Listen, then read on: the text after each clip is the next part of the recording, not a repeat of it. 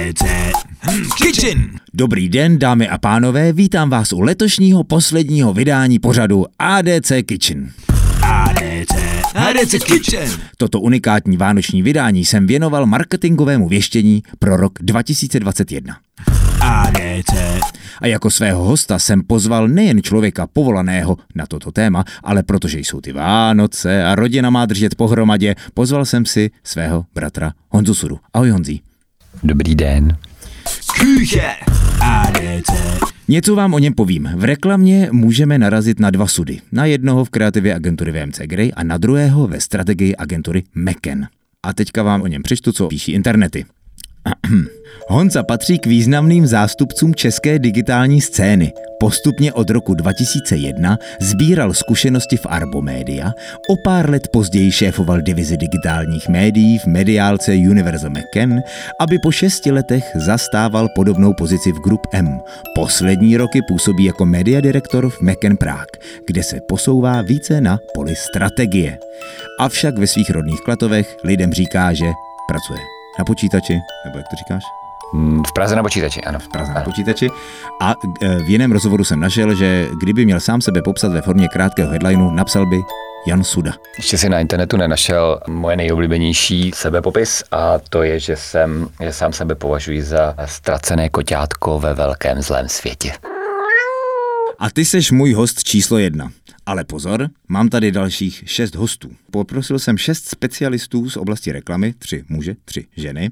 A touto cestou děkuji Pavlíně Louženské, zakladatelce Holex Marketingu, Petře Jankovičové, spolumajitelce Triad Advertising, Markétě Moreno, ředitelce značky a komunikace Vodafone.cz a pánům Pavlovi Fleglovi, kreativnímu řediteli Izobaru, Romanu Biatovi, strategovi ze Zaraguzy.cz a Aleši Hronovi, strategovi z VMC Grey. Takže děkuji všem za odpovědi a my se hned vrhneme na eh, jednotlivé otázky a odpovědi. ADC Posloucháte pořad ADC. A je tady otázka číslo jedna.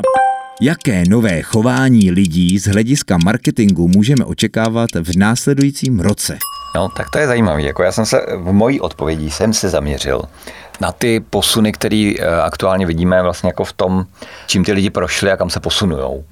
A ty lidi prošli aktuálně takovým jako zrychleným vývojem směrem k digitlu. Všechno se jim vlastně jako změnilo. Změnilo se jim jako v objednávání těch služeb, nebo trošičku posunulo. Změnilo se, jak se učí jejich děti, eh, změnilo se, jak si, jak si teďka jako objednávají jídlo, jak si chodí pro jídlo. Některým se změnilo víc, některým míň. A oni ty lidi trošičku jakoby navyknou těm eh, hladším postupům, který je, eh, se kterými se potkají. Takže ty si třeba si zvyklý, že když si objednáš jídlo, tak vidíš, kudy ten kurýr jede. No a teď máš tyhle ty jako krásné zážitky a potom přijdeš do nějaký trošičku starší společnosti, jako je hospoda, kde jsou na tebe nepříjemný, nebo přijdeš do banky, nebo přijdeš na nějaký úřad a tam eh, vlastně jako ty očekáváš, že eh, všechno bude tak hladce, jako jsi zvyklý z těch ostatních služeb, ale ono to tak hladce nejde. Eh, A tam, kde to nejde hladce, tak ty jsi rozhorčen, protože to je očekávání se vlastně jako minulo úplně eh, tou realitou, takže křičíš víc a víc a víc. Takže to Takže, jako, eh, takže to, ta zhejčkanost z toho onlineového světa se přesune do offlineového? myslím si, že jo. Myslím si, že to bude hodně velký a hodně to bude, budou jako lidi křičet kvůli tomu. A znamená to, že třeba taková tady mi tomu arrogantní obsluha v restauracích bude hodnější a že třeba dneska jsem byl Uh, jsem si všiml, že na IPáku krachuje skateová prodejna Izrael, nebo ne, možná ne, pardon, možná nekrachuje, jo, ale každopádně je v likvidaci jako, a je tam cedule pro nájem, ale ty týpci stejně jsou takový, jako, že si tě změří pohledem a co tady děláš, ty jo, a vypadni už, jako, ale přesto ti řeknou, dobrý den, nashledanou. Ale já, jako já třeba doufám, že ve skate shopech se lidi, kteří mě nechávají být, vůbec nezmění, protože já nechci, aby mě někdo, mi někdo mluvil. Ale, a oni se nezmění, no. spíš to začnou dělat jiný lidi, kteří si to budou uvědomovat, protože jako já jsem trošku uh, nad některýma lidma, když vidíš toho prostě obslužníka, který je, nebo jako toho číšníka, který je prostě pět let totálně nepříjemný, tak ten se nezmění. A bude to mít vliv na tu hospodu. A nebo nebude, protože některý, eh, některý ty pořádní chlapy vyžadují, aby na ně byl jako číšník pořádně drsnej, když jim dá ten guláš, řekne jim žer a oni budou šťastní. No. Takže si to spíš ty lidi, kteří tohle vyžadují, ty si najdou ty svoje služby a ty lidi, kteří eh, tohle nevyžadují, tak tam zůstanou. Tak podobně odpovídá Marketa Moreno, já rovnou do toho tvýho povídání vložím její odpověď a ona říká, dá se říci, že můžeme očekávat nové chování. Prostě vše je v pohybu, vše se vyvíjí, s covidem nebo bez covidu. Každý den přináší nové věci a tedy i lidé se jim více či méně přizpůsobují. Současná doba ukazuje, jak vysokou míru proměnlivosti můžeme vidět i v relativně krátkém čase. Pokud odhlédneme od covidu a již zmíněné proměnlivosti, lidé se čím dále tím více nárokují důvěru, jistotu, spolehlivost a férovost. Takže to je docela v duchu tvé odpovědi. Jo, eh, mně se na tom líbí vlastně, že ty lidi prochází nějakým vývojem, který je někdy rychlejší, někdy pomalejší, eh, že to prostě jako není nějaký skokový eh, měnění lidských, lidských charakterů, který se úplně jako nestává, ty lidi se mění průběžně. A zároveň se mi tam na tom taky líbí ty, ty zásadní hodnoty.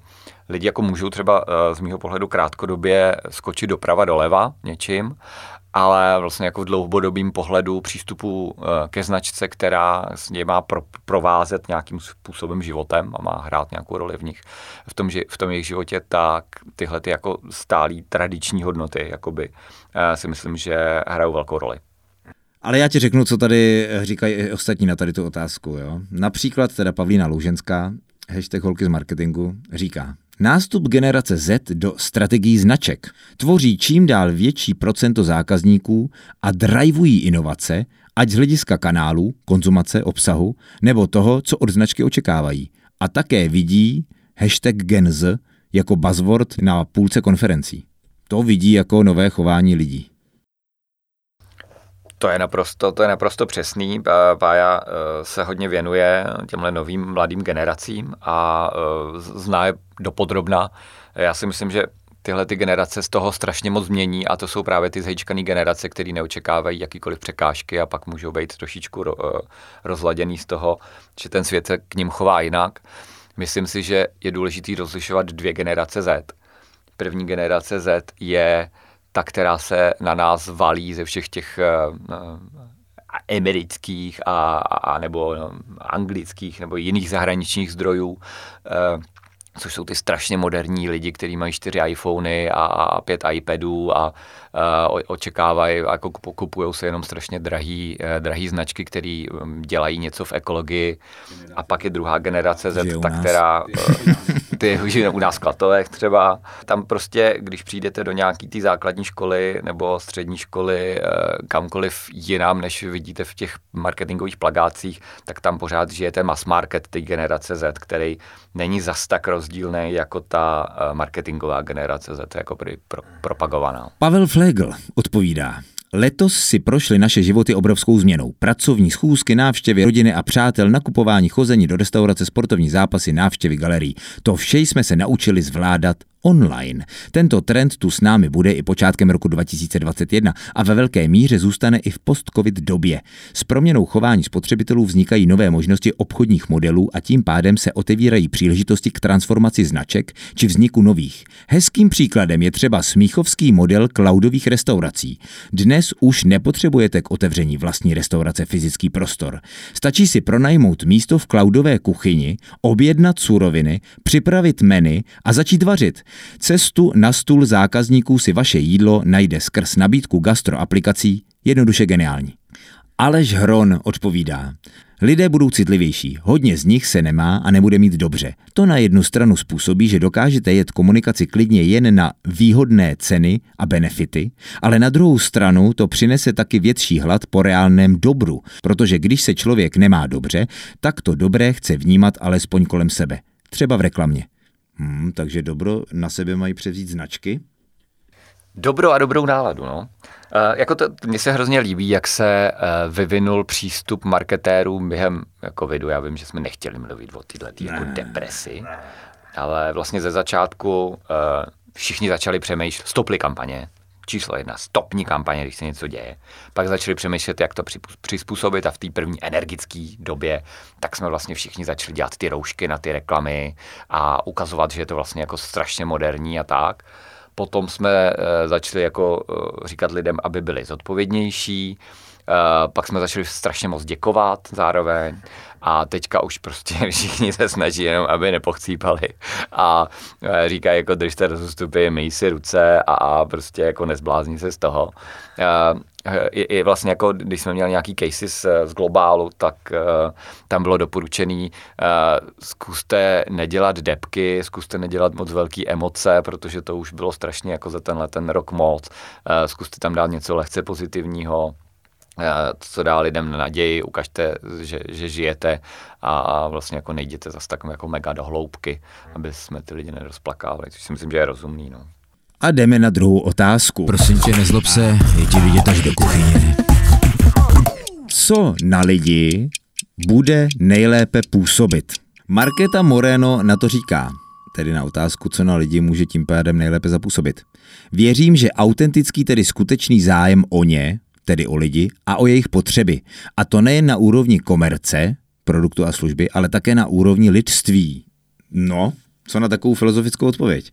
To je, to je hrozně těžký z pohledu agentury, která tady maluje plakáty a natáčí ty videa a snaží se prodávat příběhy, protože uh, Markéta tady se z mýho pohledu dotýká toho, že ta firma se musí změnit jako ta sama o sobě a musí Eh, si nehrát na něco komunikačně, musí být opravdu taková, jaká je. A, jo, a to je jako good luck. Teda. Že nemění to na úrovni pouze své komunikace, ale na hmm. úrovni firmy jako takové. A co si myslí o tom, jak nejlépe působit na lidi Aleš Hron? Dělat a pak o tom mluvit. Sestoupit dolů zpět mezi smrtelníky a ukázat jim, že i značce může na něčem dobrém a hodnotném záležet. Snažte se, aby tomu, co tvrdíte, předcházely reálné činy. No. No, tak to je přesně takhle v souladu, tak to je krásné. No, takže to už je druhá odpověď hned po markétě, že firmy by se měly změnit na úrovni toho, co dělají, než na úrovni toho, o čem mluví. Roman Biat. Více než reklamu, communication, tato situace ovlivní produkt a distribuci. Čili pokud máme klasické 4P, tak promotion, reklama respektive komunikace a price, cena, bude nebo by měla táhnout za trošku kratší konec. Značky by se konečně měly podívat na produkt a distribuci a přizpůsobit jejich době. Některé z nich to již pochopili, jako například Liftago, Rohlík, Book Therapy. Naším úkolem v reklamě bude klientům v pomoci tyto inovace vytvářet a komunikovat a tak na nich zapůsobit. A tak to je asi už třetí odpověď za sebou na to samé téma. Gratuluji, jak se shodujete. Máme prostě vizionáře, to je krásné. Hmm. I s tvojí vizí se to stále shoduje, jo? Ale tak já si samozřejmě nemůžu dovolit nesouhlasit s největšíma jménama tady na tom trhu, takže já samozřejmě souhlasím, také mám hypotéku. A jak to vidí Petra Jankovičová? Rok 2020 v lidech narušil dlouhodobý pocit jistoty a bezpečí. Proto jsem názoru, že nejlepší bude fungovat spojení konzistence při budování značek s inovacemi a pohodlnými řešeními pro zákazníka.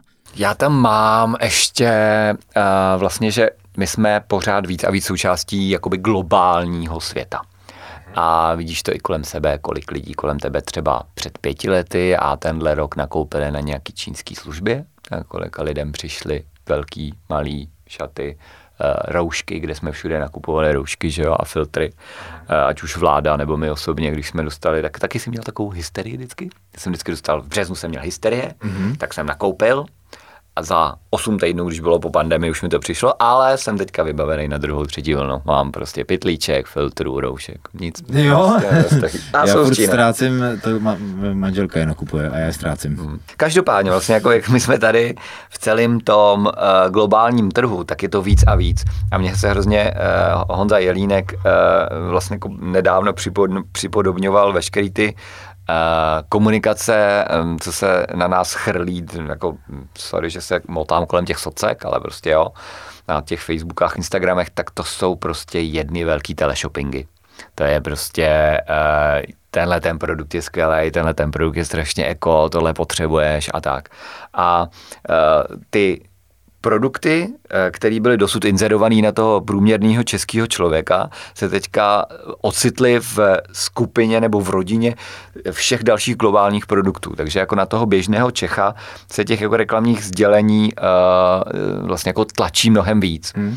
A to si myslím, že bude jedno, jedno jako z důležitých věcí, s kterými se vypořádat na příští rok. My už jsme prostě jako, nebo příští leta, my jsme stabilní součástí, naše cílové skupiny jsou stabilní součástí cílových skupin globálních hráčů. Mm-hmm. Máme prostě nějakou kou, kou, koupě schopnost, eh, jakkoliv velkou, ale pro ty naše značky to znamená, že my musíme být vidět v daleko větším davu.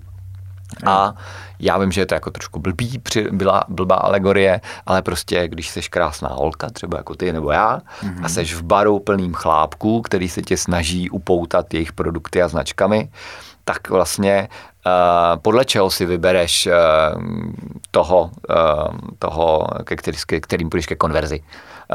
Je to podle toho, který nejvíc řve, nebo nejdíl řve, nebo je to, že udělá podle toho, jak vypadá, nebo je to podle toho, jestli udělá něco fakt jako zajímavého, anebo jestli uh, zatlačí na nějak, zmáčkne nějaký tlačítko, který v tobě zarezonuje úplně nejvíc. Takže jako Eh, spoustu značek dokážeme poslouchat dvě hodiny a nic nám neřeknou, ale od někoho uslyšíš dvě věty a, a strašně jako si to pamatuješ celou dobu a získá si tvou náklonost a lásku. Takže tenhle ten, tenhle ten globální trh se myslím, že je silnější, silnější a, a bude to pokračovat. Otázka číslo 3. Co nového a jiného by měly značky dělat na sociálních sítích? Zde je anglicko-česká odpověď od Pavlíny Louženské. Mobile First Immersive, Videocentric, rychlé na odbor... nejde to, nejde to! Pavlíno! Mluví se o sociálních sítích 3.0 jako je TikTok nebo Clubhouse, které přesně tohle přináší. A současně uvidíme nástup social commerce, live streaming prodej nebo prodej rovnou v platformě, jako je Instagram nebo WeChat. Tak doufám, že přestaneme být tak pořád fascinovaní jen Instagramem. Takže tady se nám mění pohled na sociální sítě jako e, prodejní nástroj. Stejně rovnou přihazuji Pavla Flegla, který odpovídá dost podobně. Facebook a Instagram se stávají plnohodnotnými e-commerce kanály. Díky Facebook Shops může mít svůj prodejní kanál úplně každý. A taky se tak děje. Jsme svědky proměny sociálních sítí v jeden obrovský social media shopping mall. Otázkou je, jak se v něm zákazníci vyznají. Značky budou přinuceny daleko více pečovat i o svůj image a příběh. Jak to teda bude? Budou sociální média prodejní platformou, a nebo zdále budeme, budeme hledat nějaký význam? Ne, mně se hrozně, hrozně se mi líbí tahle myšlenka a je uh, strašně rezonuje ve mně, uh, že zatímco, uh, když my jsme byli mladí, tak jsme jezdili na výlet do nakupního centra, že jo? A i mladí chodí teďka do nákupních center a teďka vlastně mají ty sociální sítě a oni budou chodit flexit na Instač, kde budou kupovat, že jo, okamžitě. Takže vlastně jako ty, to, že je to shopping mall. A, uh, počkej, budou chodit a budou teda sedět doma a budou chodit jenom takhle. Budou sedět doma, budou prsten nakupovat, ale zároveň si o tom jako, budou, jako povídají a tak. Ne, ale ta alegorie o tom shopping mallu uh, se mi, mi, přijde velmi, velmi sedící na tu, na tu novou mladou generaci, protože uh, ty sociální sítě naprosto ovlivňují veškerou trendovost, uh, zejména ty prostě jako nej, nejmladší generace. Takže tahle myšlenka se mi strašně líbí. Druhá myšlenka samozřejmě jako Davide, jestli nemáš uh, svoji strategii na TikTok, tak musíš mít svoji strategii na TikTok. Ovšem, pokud nejsi Richard Krajčo. Jestli jsi Richard Krajčo, udělej si strategie na XChat možná a na TikTok. To je. Nepřevlíkej se, nelez tam, nic nedělej. Taky jsem si říkal, že jsme s kapelou tam neměli jako vystoupit, ale když jsem viděl Richarda, tak jsem si říkal, že Richard už to udělal za nás. No, ale já myslím, že už ne, nezbylo moc legín a různých divných oblečení, který je to vyprodaný, máme s Richardem stejnou velikost. Zpátky ke kořenům, od zpátku ke kořenům do zpátku do budoucnosti. Problém je, že marketéři jsme se naučili prostě Instagram, který je teďka strašně trendy a teď už vlastně jako to není trendy a, a to jsme se to to naučili. to se, jako, ne, jako já se tady můžu svěřit, možná pak to vystřihni, ale já jsem se učil dva roky Snapchat.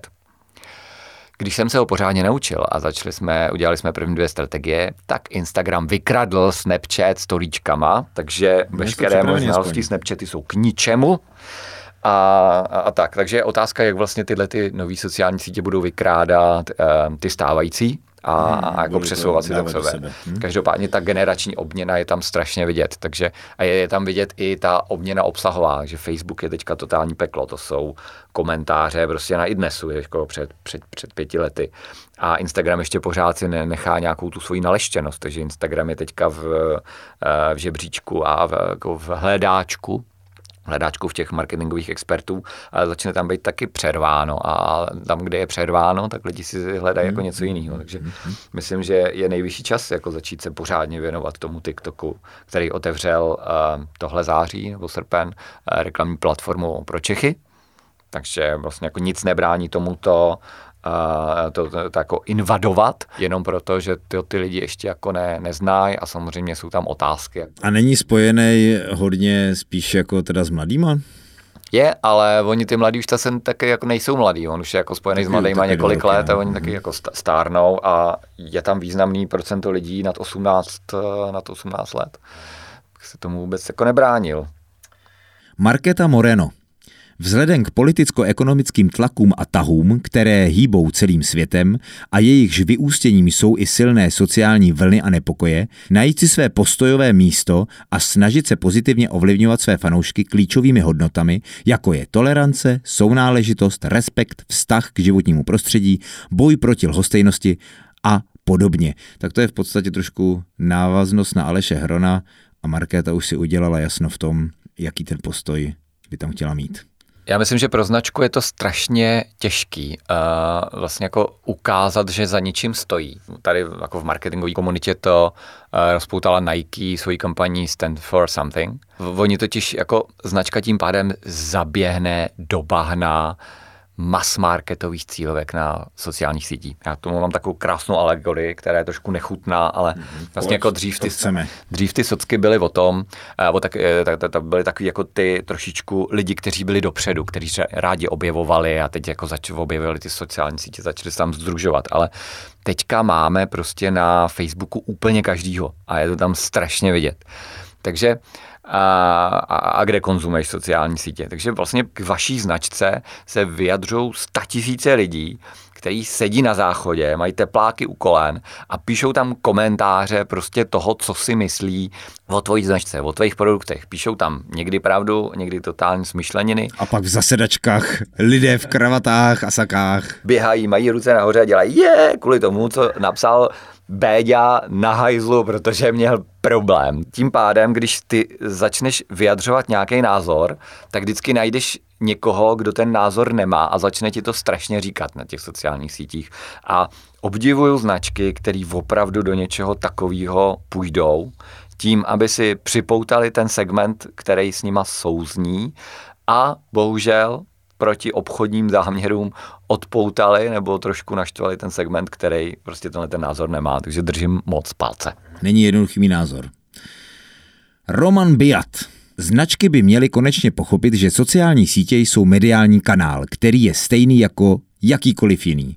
Za určitou sumu se snaží doručit co největší zásah nebo konverzi. Počet likes a komentářů fakt není ta hlavní věc, která rozhoduje. Samozřejmě, že se to nedá vždycky zobecnit, záleží na segmentu. Co jiného by mohly ještě značky dělat? Využít potenciál komunity Facebooku, komunikovat v malých skupinách značkových ambasadorů, kteří jim pomohou posunout produkt nebo službu.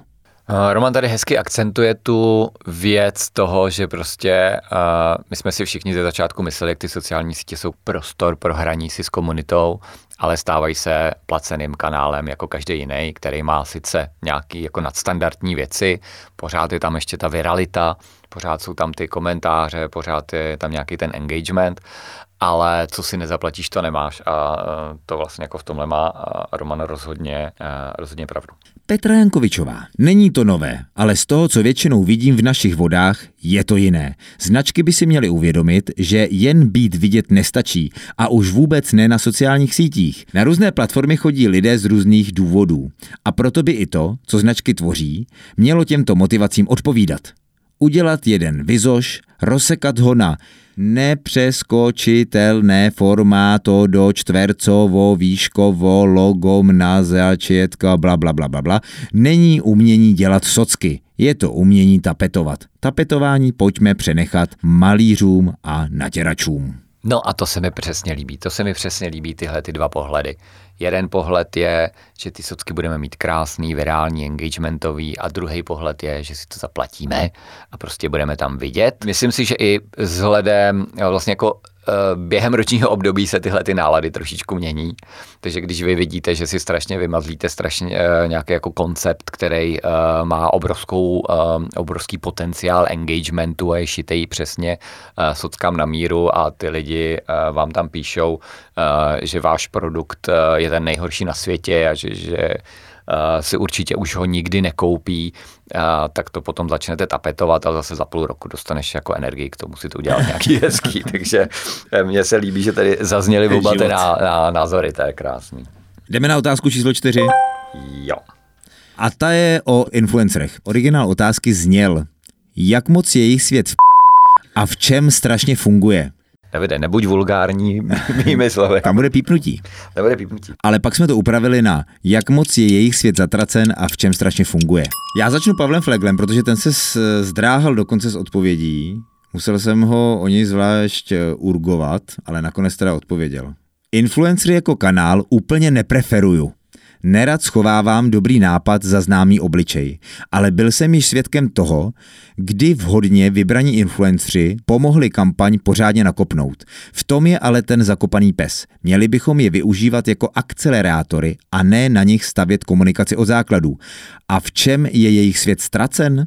Každý den jsme svědky z rodu umělých hvězdiček ze všemožných shows, ze kterých se obratem stávají sellout influencři propagující v každém postu jiný brand. Jsem zvědavej, jak jim to bude dlouho procházet. to bylo zlé. Pá, to napsal moc hezky, no. To je přesně takový to eh, nadšení versus znechucení z tohohle světa s nabývajícími zkušenostmi. Takže jako já jsem zrovna čerstvě po jedné zkušenosti, kdy jsme měli dlouhodobého influencera na, na Vodafone v akci pro, pro mladý. Asi to jako není žádný tajemství, že to byl Ben. Ta spolupráce eh, po pěti letech asi se neprodloužila. Asi za 14 dní Ben měl na svém profilu reklamní post O2, kde propagoval vlastně jako tarif pro mladý. Tak, eh, tak rychle mu změnili tu smlouvu, ne? Jako, uh, víš co, jako tarif, tarif mu rychle změnili. Je, je, to, jako, je to strašně pružný. to jako to. A vy, vy jako doufáte a doufáte, že ta dlouhodobá spolupráce prostě něco znamená že si to uh, vybuduje, uh, vybuduje to sounáležitost a ten uh, člověk vám bude jako třeba potom věrný dlouho. Je to jako s těma zákazníkama, jako ty zákazníci taky přestanou být věrný okamžitě, uh, jakmile k ním přestanete komunikovat.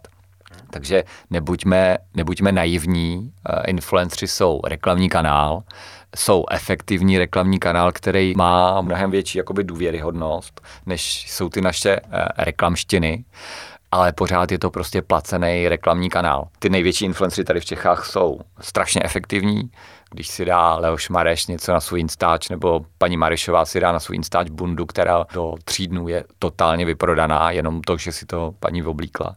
Tak to funguje, je to zaplacený, je tam velký klatr těch uh, inzerentů. Nikomu to nevadí, a pak máme nějaký jako střední influenceri, kteří devolvovali svou hodnotu toho, že pořád píšou, je jich strašně moc a pořád někomu píšou, že někoho zpropagujou, takže třeba hotely jsou z toho úplně na, na nervy, ale když si třeba povídáme o social strategiích, tak eh, jedna z, jako z obrovských témat je, co mám dělat s tím, že mi každý den napíšou čtyři kikiny, který fotí prsa a zadek na svůj Insta, že chtějí zadarmo pokoj. A ubytovat. Že, ubytovat, prostě jako to.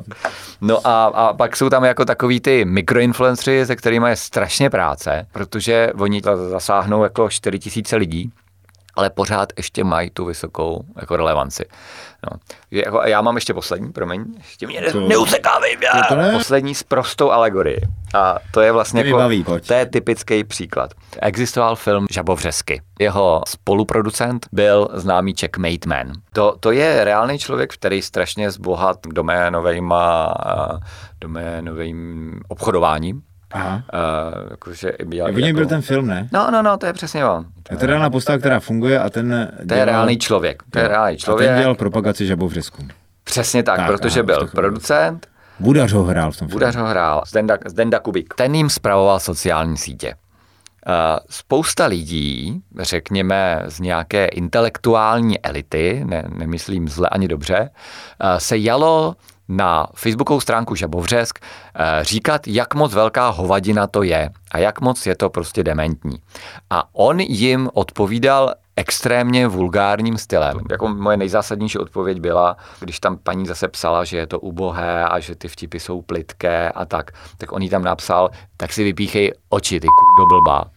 A takhle tímhle tím stylem tam tě reagoval na každýho.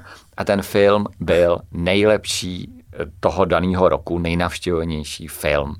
Takže i takováhle věc, kdy píšete tím lidem opravdu z prostý věci, neznamená, že jste jako zatraceni, že ty influenceri prostě vám jako fungovat nebudou, i když eh, jste prostě v jakýmkoliv, eh, v jakýmkoliv prostředí s těma ostatníma značkama nebo s jakýmkoliv obsahem.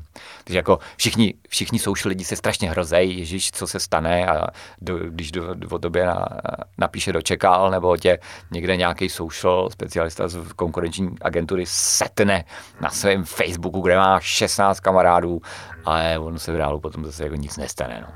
Může si jít vypíchat v oči. To se zvědavý, co z tohohle to je super, já tam dám jenom tyhle věci. Tak, co na influencery říká, pojďme třeba od spodu, Petra Jankovičová. Stále platí to, co vždycky. Když bude někdo propagovat v každém storičku jinou značku pracího prášku, ležérně pohozeného v nejnepřirozenějším prostředí pro prací prášek, tak to je prostě zlo. Používat influencer jako Citylight či jiný nosič reklamního sdělení je krátkozraké a myslím, že je otázkou času, kdy to lidi začne a teďka to nechám slovensky srdiť. Influenceri fungují, pokud jsou uvěřitelní. Váš produkt znají a podporují ho dlouhodobě. A samozřejmě pokud si zadavatelé uvědomí, že fungují spíše jako ambasadoři a ne jako mluvící hlavy. Hmm. Marketa Moreno. Nerada generalizuji, věřím v relevanci a důvěru. Jakmile je influencer relevantní a důvěryhodný, není zatracen, funguje. Influenceri byli, jsou a budou, bez ohledu na sociální média. Je to hezký, jako je pravda, že bychom asi neměli být rasisti vůči influencerům. Nemusí si nutně jít vypíchat oči. ne všichni influenceri by si měli vypíchat oči. A dáme si poslední otázku, ta je taková možná ještě více do budoucna než 2021. Možná může být odlehčená, nebo dnes se ještě může zdát odlehčená, ale za pár let bude zcela zásadní. Jaké novinky můžeme očekávat v tvorbě kreativity na poli umělé inteligence? Pavlína Luženská. Vidím, kolik mých kamarádů to využívá jako tréninkový materiál, ale baví mě to. A dává sem odkaz na modul, který za vás bude psát text. Já jsem se na to díval, co to vlastně je, jmenuje se to GPT pomlčka 3. Četl jsem si o tom článek, na jehož konci je napsáno, že vlastně celý ten článek napsal tento modul. A byl opravdu dobře napsaný. Čekovná mašinka, hodná mašinka. Co na umělou inteligenci? Marketa Moreno. Myslím, že čas AI teprve přijde, ačkoliv sami testujeme různé šikovné nástroje, které mají nahradit kreativní práci lidí, neukazuje se, že by byly lepší a rychlejší než lidé. Tak zatím dobrý, Mekan má šanci, ještě nebude vystřídaný eh, tady eh, s mašinama. Zatím tedy ne, a zejména ne v českém jazyce. Uf, díky, že má, díky panu Komenskému, že nám to tady zachoval, tu, tu výjimku.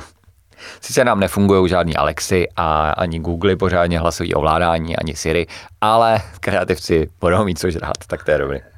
Ale Žron, bez sporu spoustu, nicméně dokud nebude umělá inteligence cítit vášeň z práce, radost a lásku k výtvoru, nebo zklamání a bezmoc z neúspěchu, nebude pro mě skutečně kreativní. Unáhlené závěry a emočně zabarvené rozhodnutí, které nemají schéma ani plán, ale někdy vytvoří něco úžasného. To je kreativita, kterou stroj zatím nedokáže. Ano, jak teďka řekl eh, nějaký klasik, umělec musí být eh, v totálním naprostém stresu, aby něco eh, nejlepšího vytvořil a v chudobě tak nevím, jestli tohle bude fungovat i na AI, jestli jako když sebereš dva procesory, jestli začne makat. Bojí se Pavel Flegl o svoji práci? V roce 2021 pro nás bude umělá inteligence třídit data, pomáhat s utvářením představ o uživatelích, pomůže s rozvojem hlasově ovládaných rozhraní a devices, zjednoduší a zrychlí komunikaci, doporučí ten správný produkt, snad se taky naučí vyplňovat timesheety, ale stále zatím zůstane naší pomocnou rukou. Pavel se cítí v suchu. Tady s Pavlem rezonuju, zejména s těma timesheetama, ale eh, s, tím tříděním dat a s tím jako vyhodnocováním efektivity jednotlivých mikrogranulí celé té kampaně, to si myslím, že kde uh, toto je prostor, kde ta AI jako může nejlépe pomoct, i když, když se podívám na to, jak mi chroustá občas uh, Excel kontingenční tabulky, tak eh, nevím, kam, kam až se posuneme. Roman Biat. Myslím, že čekáme na moment, kdy někdo využije AI skutečně kreativně. AI se potřebuje dostat mezi běžné spotřebitele a na takový nápad na lokálním trhu stále čekáme. Umělá inteligence nikdy nedostane nápad, nikdy neidentifikuje lidský insight, proto si myslím, že kreativní musíme být my a využít to jen jako tool. Cool. Cool tool. Ne, ono to, ono to možná zní, jako že si tady bavíme jako velmi zlehčeně, jo, že z toho nikdo nemá strach, ale Google přichází s nástrojema, který využívají umělé inteligence k tomu, aby vám přestříhali videa, aby vám vyrobili ty videa uh, podle toho, na co se lidi nejvíc dívají, na co mají nejvíc pozornosti. Uh, obdobný tooly připravuje Facebook. Samozřejmě, že vždycky někdo uh, bude muset vymyslet ten nápad a styl vyprávění, kterým to budeme říkat tak, aby to ty lidi zaujalo. A uh, ta, ta konzumace těch médií, konzumace těchto těch nápadů a, a příběhů, kterými vyprávíme, ta se strašně moc mění a když eh, my nebudeme schopní se tomu přizpůsobit a začít to vyprávět tím lidem, který lidi očekávají, tak, tak, tak jako nás ty stroje pře- předeženou. Pokud se nepřizpůsobíme my, přizpůsobí se stroje. Ano, a oni a. přizpůsobí pak nás, zavřou nás do škatulky. Hmm. ne, ale jako jak často ve své praxi, když mluvíš s nějakým kreativcem, musíš udělat předěl od, eh, od toho, kdy eh, kreativec vypráví ten příběh jako, eh, jestli si pamatuješ, když byl kouzelník prostě minus 20 let, to už jsme byli, to jsme byli ještě hrozně maličký, ale kouzelník minus 20 let 15 minut tancoval kolem nějaký krabice, vedle něj byla nějaká polohonahá paní a on za těch 15 minut tu paní e, přeřízl. Mm-hmm. Ale dneska, kdyby to dělal 15 minut, tak ho Jaro Slávik vyžené po, po jeden a půl vteřině, protože teďka musí rozříznout 15 paních, musí to vyníst do oblak, musí to bouchnout, ještě zaspívat a, a musí tam přijít šest trpaslíků, který uh, udělají kotrmalec. A, a to teprve ty lidi zaujme. Takže eh, jak často musíme vyprávět tyhle ty nové příběhy eh, o 15 trpaslíkách a nevyprávíme jednu věc, kde tančíme kolem jedné paní. No. Lidi jsou nároční. A máme tady poslední odpověď na poslední otázku. Tou se krásně rozloučíme. Ta je dokonce i krásně ADC stylová, protože Petra Jankovičová říká, v co doufá od umělé inteligence. Doufám, že ještě úžasnější a ještě zábavnější a ještě interaktivnější odevzdávání louskáčků. Ne? Díky Petro. Takže já moc děkuju. Dnes jsem tady měl sedm hostů, proto celý díl byl dvojnásobně delší než normálně. Uh, Honzi, já děkuji moc, že jsi tady zastavil. Já moc děkuji za pozvání, zdravím celý ADC. A krásný svátky všem. Pa! Krásný svátky. ADC Kitchen